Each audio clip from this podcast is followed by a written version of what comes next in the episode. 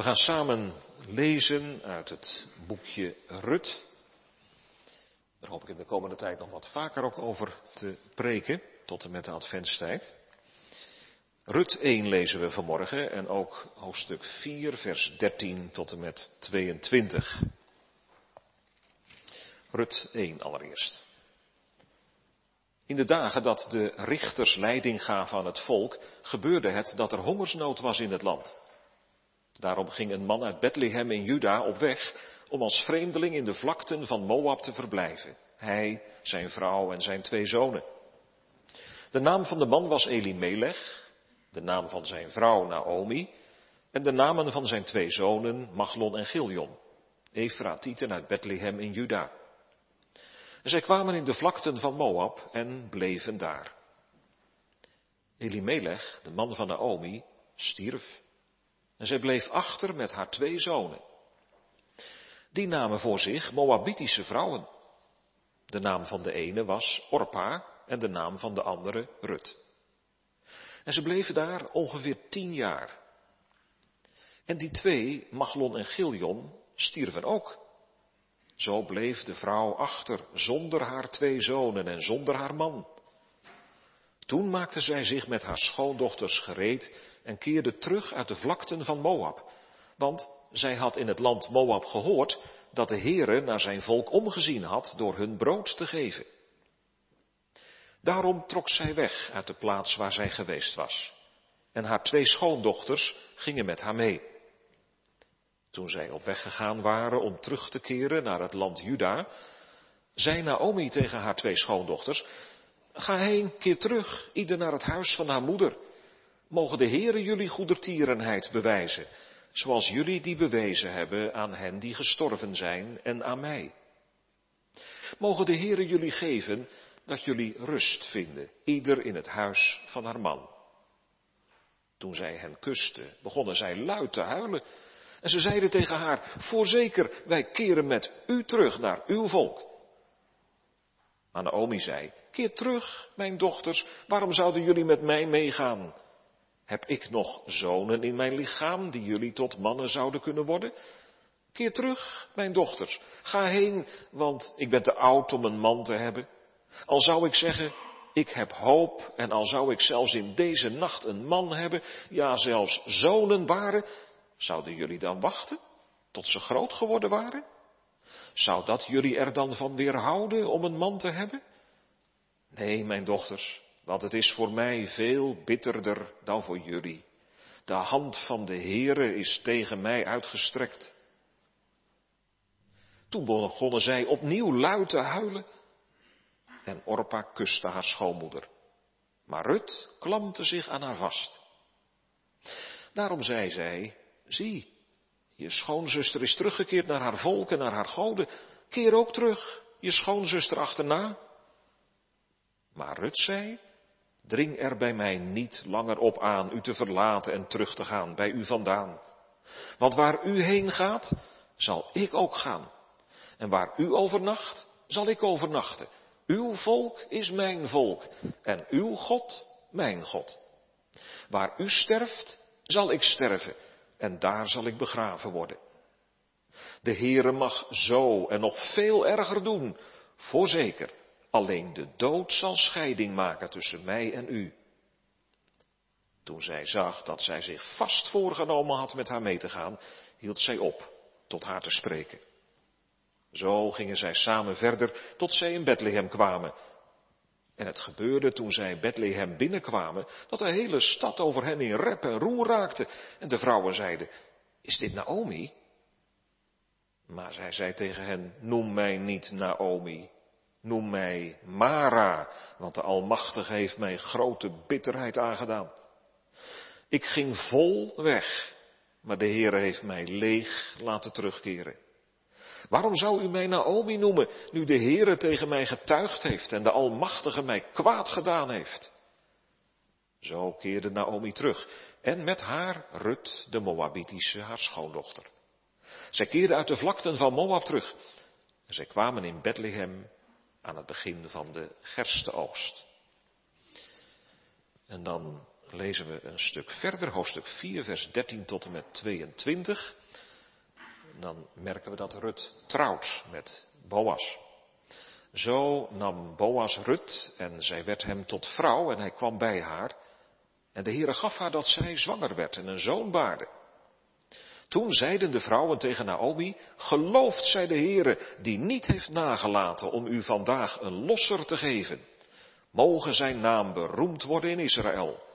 Hij zal er voor u zijn om u te verkwikken en u in uw ouderdom te onderhouden. Want uw schoondochter, die u lief heeft, heeft hem gebaard. Zij, die beter voor u is dan zeven zonen. En Naomi nam het kind en zette het op haar schoot. En zij werd zijn verzorgster. En de buurvrouwen gaven hem een naam. Zij zeiden, bij Naomi is een zoon geboren. En zij gaven hem de naam Obed. Hij is de vader van Isaï, de vader van David. Dit nu zijn de afstammelingen van Peres. Peres verwekte Hezron. Hezron verwekte Ram. Ram verwekte Aminadab. Aminadab verwekte Nahesson. Nahesson verwekte Salma. Salma verwekte Boas.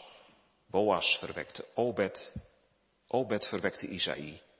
En Isaï verwekte David. Tot zover. Gemeenteres heren en vooral vanmorgen onze jongens en meisjes, wat moeten wij vaak kiezen? Dat begint morgens al, hè? Wat voor kleren trek ik aan? En aan het eind van de basisschool, naar welke school zal ik gaan? In de supermarkt kies ik bruin brood of wit brood en welke soort van die dan ook nog eens een keer. En zo kunnen we nog wel een poosje doorgaan. Nu hangt er vaak niet zo heel veel van af wat je kiest. Of je nou s morgens een blauwe of een groene trui aantrekt, ja, dat maakt uiteindelijk natuurlijk niet zoveel uit. Maar er zijn ook keuzes die veel belangrijker zijn, maar wel veel van afhangt. Als ik ervoor kies om door rood licht te rijden, ja, dan zou er wel eens een ernstig ongeluk kunnen gaan gebeuren. De belangrijkste keus in je leven is die voor of tegen de Here. Daar hangt echt alles vanaf. Of je voor eeuwig bij de Here mag zijn, of dat je altijd zonder Hem zult moeten leven. Vanmorgen horen we over een jonge vrouw die, een, die de goede keus maakte. Rut. Al heel lang geleden. En misschien denk je, dat was toen. Dat was ook het thema trouwens op veel scholen deze achterliggende week. En toen. En er werd meteen achteraan gezegd, Gods trouw. Toen was er Gods trouw. Die was er in het leven van Rut en van haar schoonmoeder Naomi en voor het volk Israël. En die bleek ook veel later toen de Heer Jezus geboren werd op aarde. En die trouw van God is er nog steeds. Van al die dingen gaan we vanmorgen iets horen. En waar gaat het in de preek vanmorgen over? Probeer het maar te onthouden. Rut maakt de goede keus. En dan, de hoofdlijn is dit. Drie dingen die ik noem. Eerst, die keus is niet gemakkelijk. Dan, van die keus krijgt ze geen spijt. En het laatste, die keus brengt haar in Bethlehem. Dus Rut maakt de goede keus. Die keus is niet gemakkelijk. Van die keus krijgt ze geen spijt. Die keus brengt haar in Bethlehem. Het gebeurde heel lang geleden dat er honger was onder het volk Israël. Israël had veel vijanden. Die vielen het land binnen en die roofden dan van alles mee. Zoveel dat er bijna niets was overgebleven. Wat erg is dat, hè? Als je honger hebt, als je zo graag eten wilt, maar er is niks te vinden. En dat vaders en moeders proberen iets te vinden voor hun kinderen om, om te eten. Maar het is er gewoon niet. Ze hadden niks. Dat was niet zomaar gekomen.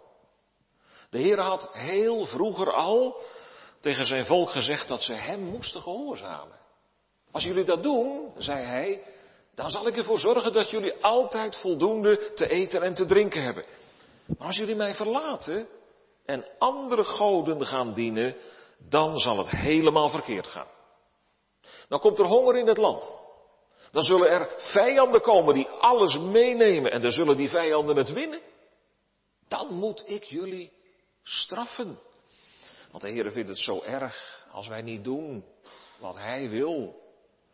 Jongens en meisjes, als je dat nou gedaan hebt, hè, wat moet je dan doen als je verkeerde dingen gedaan hebt? Zeg het eens. Mag je het antwoord geven? Wat moet je dan doen als je verkeerde dingen gedaan hebt? Ja? Heel goed. En wat vraag je dan? Om?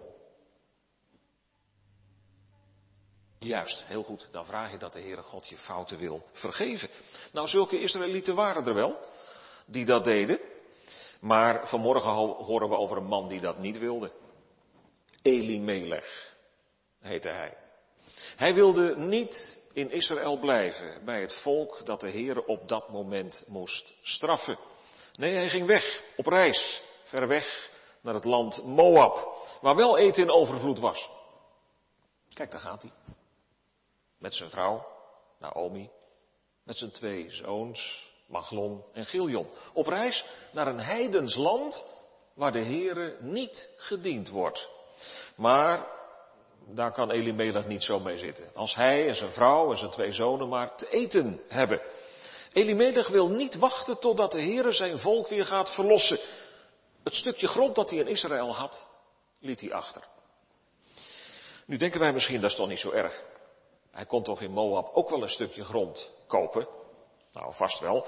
Maar voor een Israëliet was dat stukje grond in Israël dat hij had heel belangrijk. Dat stukje grond had de Heere zelf gegeven. Dat was een geschenk van God. En gelovige Israëlieten hoopten dat hun kinderen en hun kleinkinderen op dat stukje grond zouden blijven leven. Totdat de Messias, de Heer Jezus, de Verlosser, zou komen. Dan zou Hij hen zegenen. En daarom mocht geen Israëliet dat stukje grond verkopen of verlaten. Maar Elimelech deed het wel. Hij was ongehoorzaam aan de Heer. En Elimelech heeft zijn land en dat stukje grond in Israël nooit meer teruggezien. Want hij is in Moab gestorven. Nu was Naomi weduwe. Nu had ze geen man meer. Dat was heel verdrietig. Ach, was Naomi met haar twee jongens nu maar teruggegaan. Naar Israël. Daar hoorden ze. Maar dat deed ze niet. Ze bleef in Moab wonen. die twee jongens, Maglon en Giljon, die werden groter en groter. En die werden verliefd op twee meisjes in Moab. En ze zeiden tegen moeder Naomi, wij willen eigenlijk wel graag met die meisjes trouwen. Ja, wat moest Naomi nu tegen haar jongens zeggen? Jongens, dat wil de Heer niet. Hij wil niet dat je trouwt met een ongelovig meisje. Hij wil dat je trouwt met een meisje uit Israël, uit het volk van God. Maar dat zei Naomi niet. Ja, dat kon ook bijna niet, hè, want ze was zelf met haar man Elimelech weggegaan uit Israël naar dat heidense Moab. Als vader en moeder het goede voorbeeld niet geven, ja, wat gaan hun kinderen dan doen? Maglon en Giljon trouwden met die twee Moabitische meisjes, Orpa en Rut. En als twee mensen trouwen, dan, dan hoop je dat er kinderen geboren worden. Naomi zal dat ook wel hebben gehoopt, want als dat zou gebeuren, dan zou de naam van haar overleden man toch nog verder worden gedragen in de geschiedenis. Daar ging het deze week ook over op school, hè? de geschiedenis. Maar dat gebeurde niet. Orpa en Rut kregen geen kind. Er gebeurde wel iets wat heel erg was. Ook haar twee zonen, Machlon en Giljon, stierven. Wat vreselijk voor Naomi. Nu had ze geen man meer, maar ook geen zonen meer. Nu had ze bijna niks meer. En ze had ook geen kleinkinderen. Het nageslacht van Elimelech zou er niet bij zijn als de Messias geboren zou worden. Nou, jullie begrijpen wel dat Naomi heel verdrietig is geweest.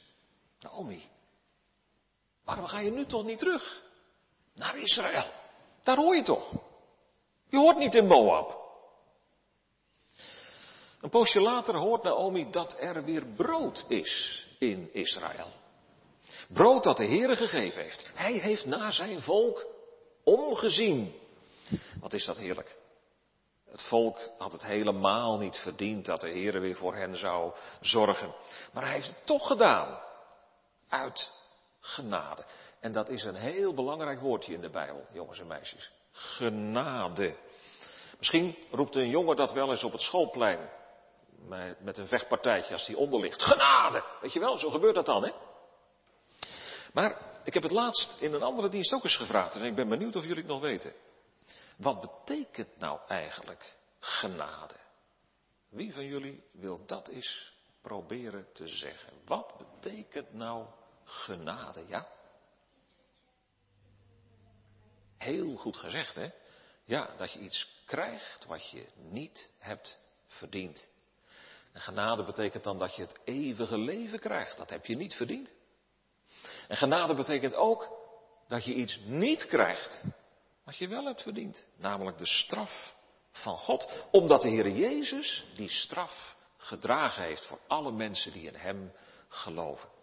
Nou, denk daar ook altijd maar aan als je gewoon je brood eet. Ja, wat is gewoon? Dat krijg ik uit genade.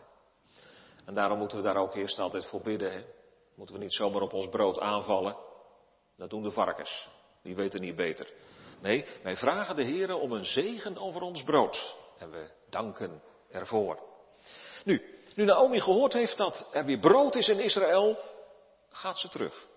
Ze wil weer naar haar volk toe. Maar wat is ze verdrietig, teleurgesteld, verbitterd. Misschien dat ze nog een paar spulletjes bij elkaar heeft gepakt, maar met bijna niets gaat ze terug naar Israël. Het is wel heel mooi dat haar twee schoondochters, Orpa en Rut, met haar mee willen gaan. Ze houden zoveel van Naomi en ze willen haar niet alleen laten gaan. En zo gaan ze met z'n drieën onderweg. Zouden ze veel tegen elkaar gezegd hebben? Ik denk het niet. Als mensen verdrietig zijn, dan zeggen ze niet altijd zoveel. Maar opeens klinkt de stem van Naomi. Orpa en Rut. Ik vind het natuurlijk wel heel fijn dat jullie met mij meegaan, maar toch moeten jullie dat maar niet doen. Ik hoop dat de Heere jullie zal zegenen. Jullie zijn heel goed voor mij geweest. En jullie zijn ook heel lieve vrouwen geweest voor mijn zonen. Maar wat zou het nou fijn zijn als jullie weer konden trouwen en weer en kinderen zouden kunnen krijgen. En ja, weet je, dat wordt in Israël toch niks met jullie, want die mannen die willen jullie toch niet, want jullie komen uit Moab en jullie kennen die mannen niet. Dus je kunt veel beter teruggaan naar Moab. Daar kun je gelukkig worden. Eerst willen ze, allebei, Orpa en Rut, er niets van horen. Natuurlijk gaan ze niet bij Naomi weg. Nee, moeder, we gaan met u mee, want daarvoor houden we veel te veel van u. Maar, dan praat Naomi weer door. Waarom luisteren jullie toch niet naar mij? Stel je nou eens voor dat ik nog, nog zou trouwen en dat ik nog twee zonen zou krijgen. Dan kunnen jullie er toch niet op wachten. Totdat ze groot zijn Orpa denkt eens goed na. Ze denkt, ja, moeder heeft eigenlijk wel gelijk. Het is toch eigenlijk veel beter om terug te gaan naar mijn eigen land. Daar hoor ik thuis. En dan neemt Orpa afscheid van Naomi. Ze vindt het wel heel moeilijk, maar ze doet het toch. Kunnen jullie het trouwens een beetje begrijpen dat Orpa dat doet? Dat ze teruggaat naar Moab? Het knikt van ja, ja, ik ben het wel met je eens. Ik kan het ook wel begrijpen. Al haar familie, al haar vrienden wonen in Moab. Maar weet je wat nou zo erg is? In Moab zal ze niet meer van de Here horen. In Moab dienen ze andere goden. Goden van hout en steen, waar de mensen zich voor neerbuigen. Maar het zijn goden die niet kunnen horen en die niet kunnen spreken die je dus nooit kunnen helpen. Orpa gaat verder door het leven zonder de Here. En misschien heeft ze in Moab wel weer een man gevonden. En misschien heeft ze eh, wel kinderen gekregen. Dat weten we allemaal niet. Maar jongens en meisjes. Echt gelukkig kun je nooit worden zonder de Heer. Dat moeten we maar goed onthouden. Misschien denk je wel eens, als ik later groot ben, nou, dan hoop ik dat ik gelukkig word, dat ik eh, misschien een lieve man of een lieve vrouw tref. En dat we samen kinderen mogen krijgen. En, dat we een mooi huis bouwen en nog veel meer. Nou, dat is allemaal op zich niet verkeerd hoor.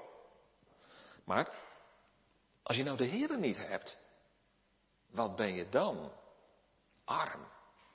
Want al die dingen die ik zojuist genoemd heb, die kunnen je nooit gelukkig maken.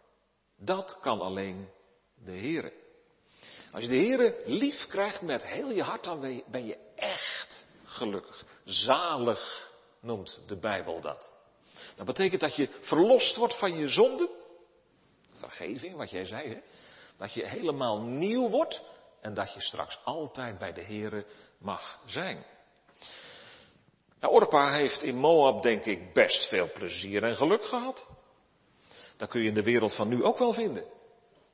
Maar als ze zo gestorven is, onbekeerd, dan is ze er niet bij de Heer. Dan is ze er straks niet bij als dat grote feest van de Heer Jezus gaat komen. Dan staat ze buiten. En dat is erg. Wat moet het voor Rut ook moeilijk geweest zijn?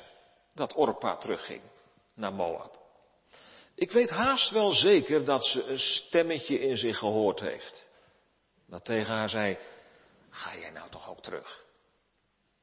Wat heb jij nou toch met je oude schoonmoeder nog mee te gaan? Het is in Moab veel beter en veel plezieriger voor zo'n jonge vrouw als jij.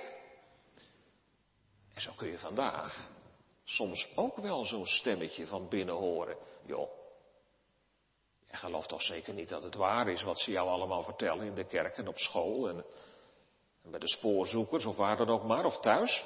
Leven zonder de Heer. Is veel mooier. Dan mag je lekker doen waar je zelf zin in hebt. Houd toch op om naar de kerk te gaan. Lees maar niet meer in de Bijbel. Kies voor jezelf. En voor je plezier. Rut, vooruit. Ga Orpa achterna. Nu kan het nog. En Rut, zij moet ook kiezen. Wat doe ik nu? En je voelt wel, hè, dat, dat is geen gemakkelijke keus voor haar. Het wordt nog moeilijker als Naomi, haar schoonmoeder, nog eens een keer tegen haar zegt.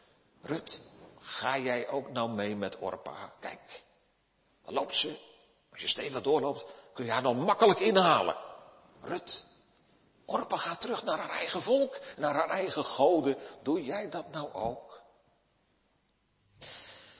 Wat denken jullie? Is dat nou goed geweest van Naomi dat ze dat tegen Rut zei? Was dat goed? Wat vind je ervan? Zeg het maar. Nou, dat lijkt mij ook niet, hè? Zeker niet. Je kunt toch niet tegen iemand zeggen: ga jij de afgoden van hout en steen maar weer dienen? Ga jij maar weer verder leven zonder de Heere God? Dat kun je toch niet zeggen? Nee, het is geen gemakkelijke keus voor het. Zoals het ook vandaag niet makkelijk is om de goede keus te maken. Want de wereld om ons heen zonder God trekt ons. Die wil je bij Hem vandaan trekken. Die zegt, kom, ga net zo leven als wij. Het is fijn om zonder God te leven. En toch, en toch, Rut maakt de goede keus. En, dat gaan we ook zien, daar krijgt ze geen spijt van terug naar haar volk? Naar Moab?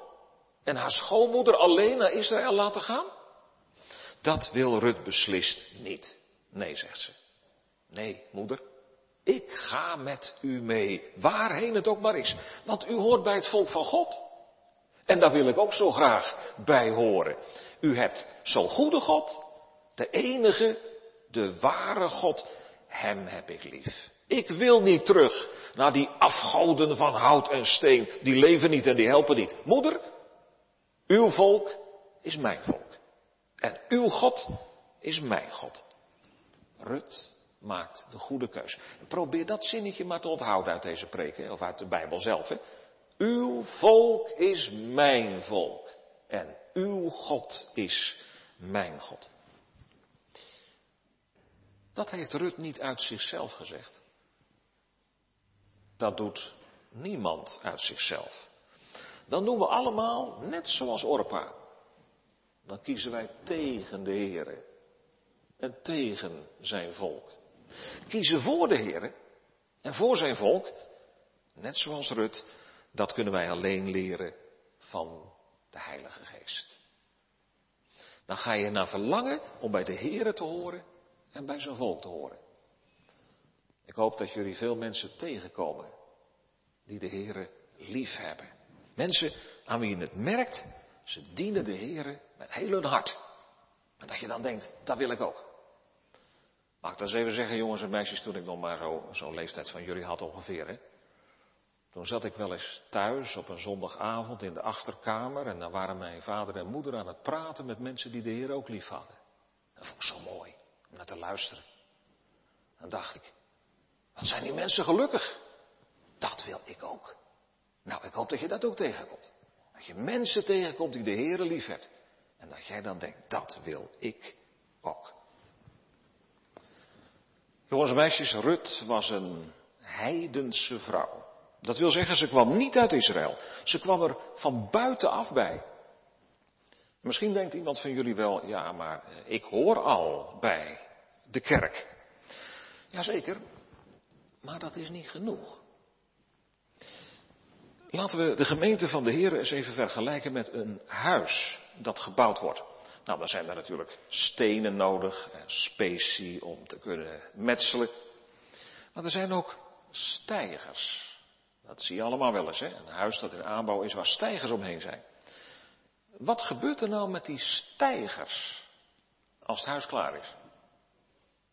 Nou, wie geeft daar eens antwoord op? Wat gebeurt er nou met die stijgers als het huis klaar is? Kijk even of ik ook een ander zie die het zeggen wil, hoor. Nee, dat mag jij zeggen. Ja, ja, dan zou het instorten misschien. Nou, nou die stijgers die gaan ze weghalen. Hè? Maar als het huis klaar is, dan blijft het wel staan hoor. Ja, maar die stijgers die gaan ze weghalen. Nou, zo is het nou ook met de kerk. Als je wel bij de kerk hoort, maar de Heer Jezus niet echt lief hebt, als we niet die goede keus maken, net zoals Rut, dan, dan kun je ons vergelijken met dat stijgerwerk. Die stijgers die afgebroken worden, die horen er uiteindelijk dan niet bij. Maar Rut is om zo te zeggen een echte, levende steen in dat huis van God. En daarom zegent de Heer haar rijk. Oh ja? Denkt iemand? Ze heeft toch helemaal niks? Ze heeft geen man meer. Ze weet niet waar ze straks terecht komt, nu ze met Naomi meegaat, want ze is nog nooit in Israël geweest. Ze weet echt niet hoe het allemaal verder moet. Nee, dat is waar. Maar Rut heeft er alles voor over om bij het volk van God te horen. Hoor maar. En ze zegt het heel mooi. Waar u sterft, daar wil ik ook sterven. En ik wil op dezelfde plaats als u begraven worden. Nooit meer wil ze naar Moab terug. Wat is dat prachtig. Als je zo voor de Heer kiest, omdat Hij je in Zijn liefde trekt. Nou, dan raak je best het een en ander kwijt. Dat is waar. Rut moest heel veel achterlaten in Moab. Wie de Heer volgt, wie Hem wil dienen, bij zijn volk wil horen, ja, die kan met heel veel dingen van deze wereld niet meer meedoen. Maar, maar dat wil je dan ook niet meer. En je krijgt er zoveel voor terug. Je krijgt er het volk van God voor terug. En je krijgt er de Here voor terug. Onthoud het maar, jongens en meisjes. Wat ik dan ook kwijtraak. Maar ik houd de Here over. Daar krijg je nooit spijt van. Ik weet het zeker dat Rut nooit spijt heeft gekregen van de goede keus die ze heeft gemaakt. Weet je waar je altijd spijt van krijgt? Als je niet de goede keus voor de Here maakt. Als je kiest voor een leven zonder God, dat lijkt zo mooi, maar het eindigt zo erg. Dat is net als wanneer je iets in je mond neemt dat eerst zoet smaakt. Maar even later hou je een hele bittere nasmaak over. En zo is het nou ook als we de verkeerde keus maken. De zonde smaakt zoet, maar de nasmaak is zo bitter. Rut maakt de goede keus. En die keus brengt haar in Bethlehem. Nou, Naomi ziet het wel. Dat Rut vastbesloten is. Wat zou het mooi zijn hè, als Naomi daar nou echt blij mee zou zijn geweest. Dat ze de Heer ervoor gedankt had dat Rut de goede keus gemaakt had. Maar daar lezen we niets van in de Bijbel. In elk geval, ze reizen samen verder en ze komen aan in Bethlehem. Nou, die naam die kennen jullie natuurlijk. Bethlehem. Waar denk je dan aan? Dus even kijken of ik verderop in de kerk ook een vinger zie. Waar denk jij aan bij Bethlehem? Ja? Goed zo. Aan de Heer Jezus? Die werd daar ge... Goed zo. Hij werd daar geboren in Bethlehem. In dat plaatsje waar Naomi vroeger geleefd had, met haar man en met haar zonen, voordat ze naar Moab gingen, daar komt ze weer terug. Wat had ze daar mooi gehad? Tien jaar was ze daar weg geweest. En jullie weten wel hoe dat gaat, hè? Als je ergens een poos niet geweest bent, dan ben je benieuwd hoe het er daar uitziet. Hoe zou het in Bethlehem zijn? Zouden ze daar Naomi nog kennen? Wat was ze een oude vrouw geworden? Door haar verdriet. Toen ze wegging was ze nog een heel knappe vrouw. Maar nu? Ja, ja, toch kennen de mensen haar nog wel in Bethlehem. Soms moeten ze even goed kijken. Is, is dat Naomi? Zeggen ze tegen elkaar. Wat is ze veranderd? En waar zijn Elimelech en Machlon en Giljon? En wie is die jonge vrouw daar die bij haar loopt? Naomi ziet wel hoe verbaasd de mensen zijn. Ze horen wel, ze hoort wel wat ze zeggen. En dan zegt ze, noem mij maar niet meer Naomi. Dat betekent de knappe, de mooie. Want de Almachtige God heeft mij grote bitterheid aangedaan. Noem mij maar Mara. Bitterheid betekent dat. Ik was vol, ik was gelukkig toen ik wegging met mijn man en met mijn twee zoons, maar ik ben leeg teruggekomen. Ik voel mij bitter.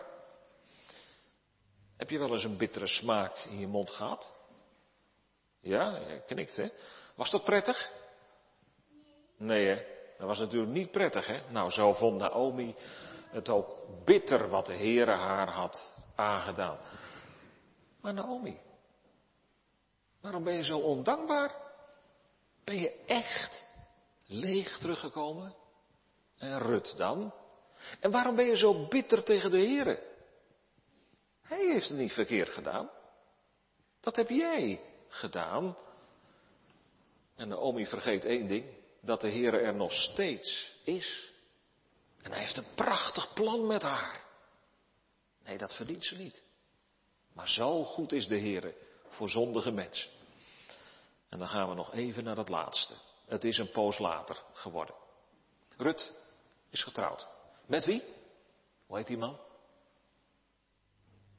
Wie weet hoe die heet, die man? Rut is getrouwd met Boas. Goed zo.